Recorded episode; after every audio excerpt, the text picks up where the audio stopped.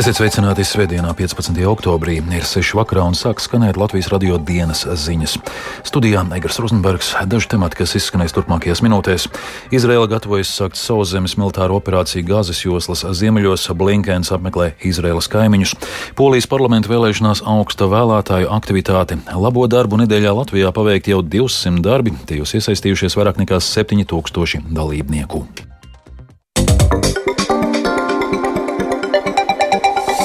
ASV valsts sekretārs Antonijs Blinkens turpina vizīti tuvajos austrumos. Savu braucienu laikā viņš plāno apmeklēt gandrīz visus nozīmīgus Izraēlas kaimiņus. Savukārt Ķīnas ārlietu ministrs Vans Jī pirmo reizi nācis klajā ar stingru nostāju jautājumā par Izraēlas un teroristiskā grupējuma Hamas konfliktu, paziņojot, ka Izraēlas operācija Gazā pārkāpja paša aizsardzības robežas. Plašāk stāsta mūsu Briseles korespondents Arķums Konhovs. ASV valsts sekretārs Antonijs Blinkens mudina Saudarābijas vadību izdarīt spiedienu uz teroristisko grupējumu Hamas. Sarunas starp Blinkenu un Saudarābijas faktisko vadītāju, kroņprince Muhamedu bin Salmanu, notika svētdien agri no rīta karaliskajā rezidencē netālu no galvaspilsētas Rijādas. Pirms Hamas uzbrukuma Izraela un Saudarābija mēģināja normalizēt iepriekš saspīlētās attiecības. Tomēr jaunākais konflikta uzliesmojums ir licis šo procesu vismaz pagaidām apturēt. Blinkens ir raksturojis savu tikšanos kā ļoti produktīvu. Vēlāk oficiālajā paziņojumā tika norādīts, ka abas puses ir runājušas par civiliedzīvotāju aizsardzību un mieru tuvajos austrumos. Pēc Saudarābijas apmeklējuma ASV valsts sekretārs devās uz Eģipti, kam arī ir strateģiska nozīme reģionā. Tā jau ir sestā arābu valsts, ko Blinkens apmeklē kopš Hamas teroristu uzbrukuma Izrēlai, kas nogalināja 1300 cilvēkus šajā valstī. Izraēlas armijas atbildes reakcija līdz šim ir aiznesusi aptuveni 2300 palestīniešu dzīvības. Ar Saudarābijas politiķiem runāja arī Ķīnas ārlietu ministrs Vans Jī. Pēc telefona zvana ar šīs valsts ārlietu ministru princi Faisalu bin Farnahu, ja paziņoja, ka Izraēlas operācija Gazā pārkāpj pašaizsardzības robežas. Ķīnas ārlietu ministrs mudināja Izraelu ieklausīties starptautiskās kopienas, it sevišķi ANO ģenerālsekretāra Antonio Guterreša pamudinājumos nepieļaut Gazas iedzīvotāju kolektīvo sodīšanu par teroristu uzbrukumiem. Tomēr Ķīnas oficiālajā paziņojumā par vardarbības nosodījumu teroristiskā organizācija Hamas nav skaidri pieminēta. Ziņā aģentūra AFP vēsta, ka tas ir izsaucis rietumu valstu diplomātu kritiku, ka Ķīnas paziņojums ir pārāk vājš. Arcums Konahos Latvijas Rādio Briselē. Par spīti Krievijas iebildumiem Armēnijas prezidents parakstīs lēmumu par Armēnijas pievienošanos starptautiskajai krimināltiesai. Iepriekš likumu par tā dēvēto Romas statūtu ratifikāciju pieņēma Armēnijas parlaments. Maskava to nodēvējusi par nedraudzīgu un nepareizu soli, jo starptautiskā krimināltiesa ir izsniegusi arestu orderi Krievijas prezidenta Vladimira Putina aizturēšanai. Tas nozīmē, ka apmeklējot Armēniju, Putinu varētu arestēt. Krievijas karaspēks rīkotajās Ukrainas pilsētu apšaudēs pēdējo 24 stundu laikā nogalināti vismaz seši civili iedzīvotāji. Tā ziņo vietējās amatpersonas. Divas vadāmās bumbas trāpījušas svarīgos Helsonas infrastruktūras objektos, izsaucot daļēju elektroenerģijas un ūdens piegādes pāraumu. Polijas pilsoņi šodien dodas pie balsošanas urnām, lai atdotu savu balsi parlamentu vēlēšanās un ar tām vienlaikus notiekušajā referendumā. Vēlēšanas izšķirs, vai pie varas uz trešo četru gadu pilnvaru termiņu paliks Nacionāla konservatīvā partija likum, likums un taisnīgums, vai tās vietā stāsies centriska liberālā pilsoniskā koalīcija. Iespējams, ka šajās vēlēšanās sasniegs vēlētāju līdzdalības rekordu. Vairāk par vēlēšanu norisi no Varšavas ziņo Latvijas radio korespondents Uldis Česberis. Visā Polijā vēlēšanu iecirkņi durvis vēra jau pulkstens septiņos no rīta. Daudzi to izmantoja, lai nobalsotu pirms svētdienas dievkalpojuma. Savu balsi vēlēšanās un referendumā nodeva gan pašreizējais premjerministrs Mateušs Moraveckis no partijas likums un taisnīgums, gan lielākā opozīcijas spēka pilsoniskā koalīcija līderis Donalds Tusks. Donald Tusk! Donald Tusk! Donald Tusk! Viņu pie vēlēšanu iecirkņa sagaidīja vairāki desmiti atbalstītāju, kuri sauca Tuska vārdu. Galvaspilsētā Varšavā pa dienu ielās bija maz cilvēku, taču pie atsevišķiem vēlēšanu iecirkņiem veidojās rindas. Pašlaik es atrodos pie Varšavas kultūras un zinātnes pils. Šī ēka ir viena no Varšavas simboliem. Un te ir ierīkots balsošanas iecirknis, pie kura ir izveidojusies gara vēlētāju rinda. Neraugoties uz vējaino un vēso laiku, cilvēki ar ģimenēm ir atnākuši, lai izpildītu savu pilsoņu pienākumu. Līdz pusdienlaikam savu balsi bija nodevuši 22,59% balstiesīgo polijas pilsoņu, paziņoja Nacionālā vēlēšanu komisija. Tas bija par 4% punktiem vairāk nekā pirms četriem gadiem. Interneta medijas Onet balstoties uz vēlēšanu komisijas sniegtajiem datiem aplēsis, ka vēlētāju aktivitāte šoreiz varētu būt robežās no 65% līdz 70%, kas būtu rekords. Polijas prezidents Andrzejs Duda pauda gandarījumu par vēlētāju augsto aktivitāti, taču mudināja vēl nenobalsojušos to noteikti izdarīt. Wysoka frekvencja daje władzom Rzeczypospolitej silną legitymację do tego, by wykonywać swój mandat. Vienmēr esmu uzsvēris, ka augsta vēlētāju aktivitāte dod valdībai spēcīgu mandātu, tāpēc tas ir ļoti svarīgi. Turklāt augsta vēlētāju aktivitāte liecina par to, ka mēs atbildīgi izturamies pret mūsu valsti, mūsu nākotni, kā arī mūsu bērnu nākotni. Es pateicos visiem, kas šodien piedalījās vēlēšanās, kas nodeva savus balsis vēlēšanās un referendumā, un es aicinu visus, kas vēl šaubās, vai iet vai neiet, jums ir jābalso. Gan vietējā vēlēšanu komisija, gan starptautiskie vēlēšanu novērotāji līdz dienas vidum nebija konstatējuši nopietnus vēlēšanu pārkāpumus. Vēlēšanu iecirkņi strādās līdz pulksten deviņiem, bet īsi pēc tam mediji publicēs rezultātus vēlētāju aptaujām, ko visas dienas garumā veica pie balsošanas iecirkņiem. Sagaidāms, ka Nacionālā vēlēšanu komisija sākotnējos vēlēšanu rezultātus publicēs naktī uz pirmdienu. Uldis Česberis, Latvijas radio no Varšavas. Labo darbu nedēļā paveikti jau 200 darbi, ir vairāk nekā 7000 dalībnieku iesaisti visā Latvijā.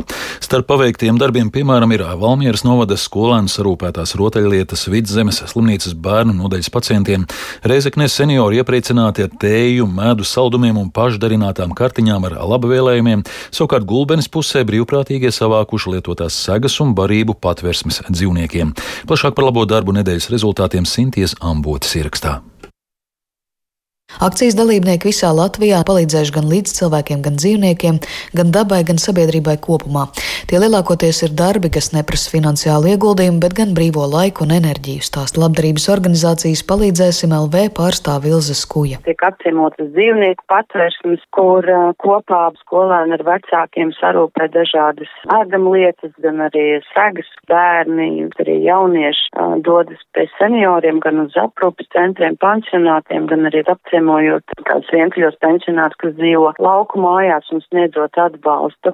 Daudz klases atkal piedalās sakopjot savu skolas apkārtni un tāpat arī nodotas ir ārstiņas. Un šobrīd arī aktualitāte aktīvi atbalsta bērnu slimnīcas mazos pacientus, gatavojot drosmes kastes.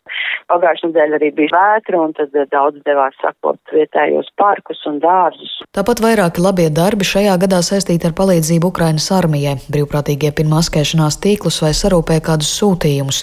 Tostarp Viļa Plūdoņa Kuldīgas vidusskolas otrās C klases skolēni, vecāki un klases audzinātāji Saiva Peskopa sarūpējuši pārtikas pakas Ukrainas karavīriem, stāsta skolotāji. Mūsu klasē mācās divi ukraiņu bērni. Un vienas meitenītes māma, viņai ir iespēja nogādāt tieši Ukrainas karavīriem mūsu sūtījumu un sākām vākt ziedojumus. Konservi, enerģijas batoniņi, kādas siltas zeķes vīriešu. Bērni bija ļoti atsaucīgi. Mums tieši bija tajā brīdī latviešu valodā stundas tēma, plakāts un afiša pēc tam zīmējam apsveikums Ukraiņu karavīriem. Nu, un tā mēs savācām šo sūtījumu un 12. oktobrī savu sūtījumu nodevām un bijām ļoti gandarīti. Akcijas laikā darbojas arī interaktīva mājaslapa labo darbu nedēļa.palīdzēsim.lv ar Latvijas karti, kur ikvienam dalībniekam arī šodien ir iespēja atzīmēt savu plānoto vai paveikto labo darbu.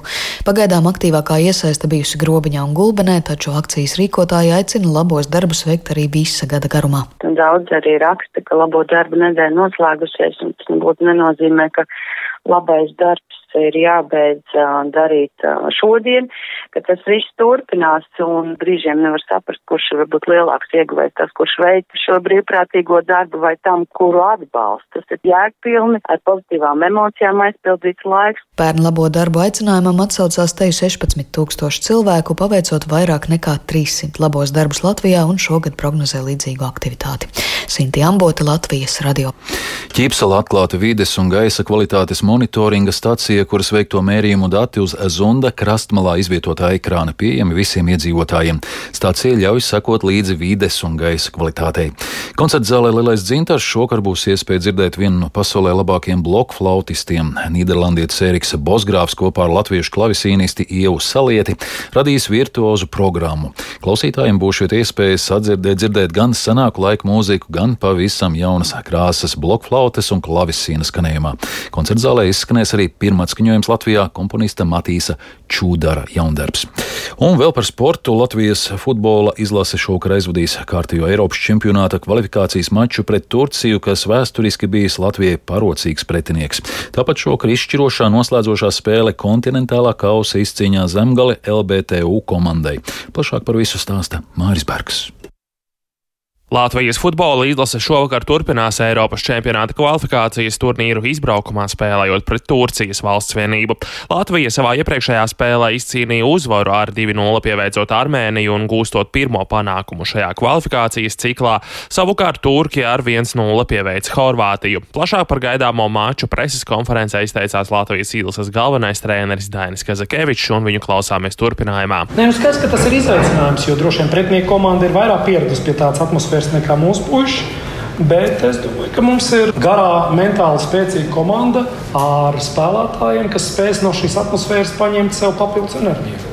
Es tā ļoti ceru, ka tā atmosfēra būs tas, kas vēl vairāk mūs motivēs parādīt savu labāko sniegumu. Abu komandu iepriekšējā spēlē Skontā stadionā jūnijā Turki svinēja ļoti dramatisku uzvaru ar rezultātu 3-2. Tajā mačā Kristers Tobers jau spēles kompensācijas laika 4. minūtē panāca neizšķirtu 2-2, taču pēc tam Turkiem vēl izdevās paspēt izraut uzvaru.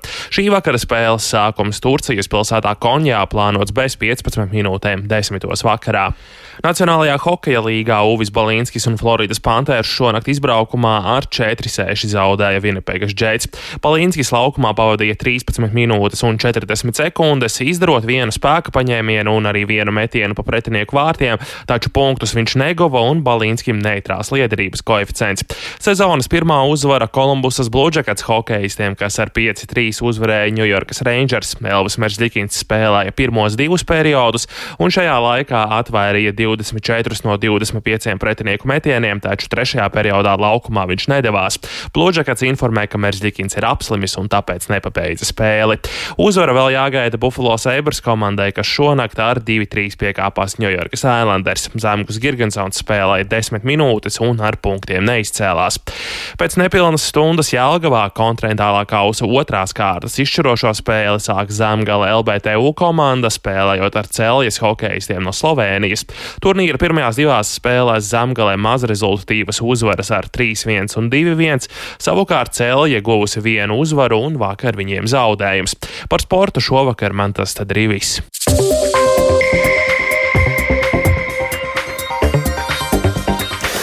Izskan Latvijas radio dienas ziņas, producente Vija Bremse, ierakstus montēja Renāša Šteimanis, par labskaņu rūpējās Rīta Kārnača studijā Egers Rozenbergs. Vēlreiz īsumā par svarīgāko. Izraela gatavojas sākt sauszemes militāru operāciju Gāzes joslas ziemeļos. Blinkens apmeklē Izraēlas kaimiņus. Polijas parlamentu vēlēšanās augsta vēlētāju aktivitāte. Labo darbu nedēļā Latvijā paveikt jau 200 darbi, tajos iesaistījušies vairāk nekā 7000 dalībnieku. Vēl tikai par laikapstākļiem. Pat labam galvaspilsētā plus 8 grādi lēns dienvidē rietumu vējš, atmosfēras spiediens 748 mm, relatīvais gaisa mitrums 87%.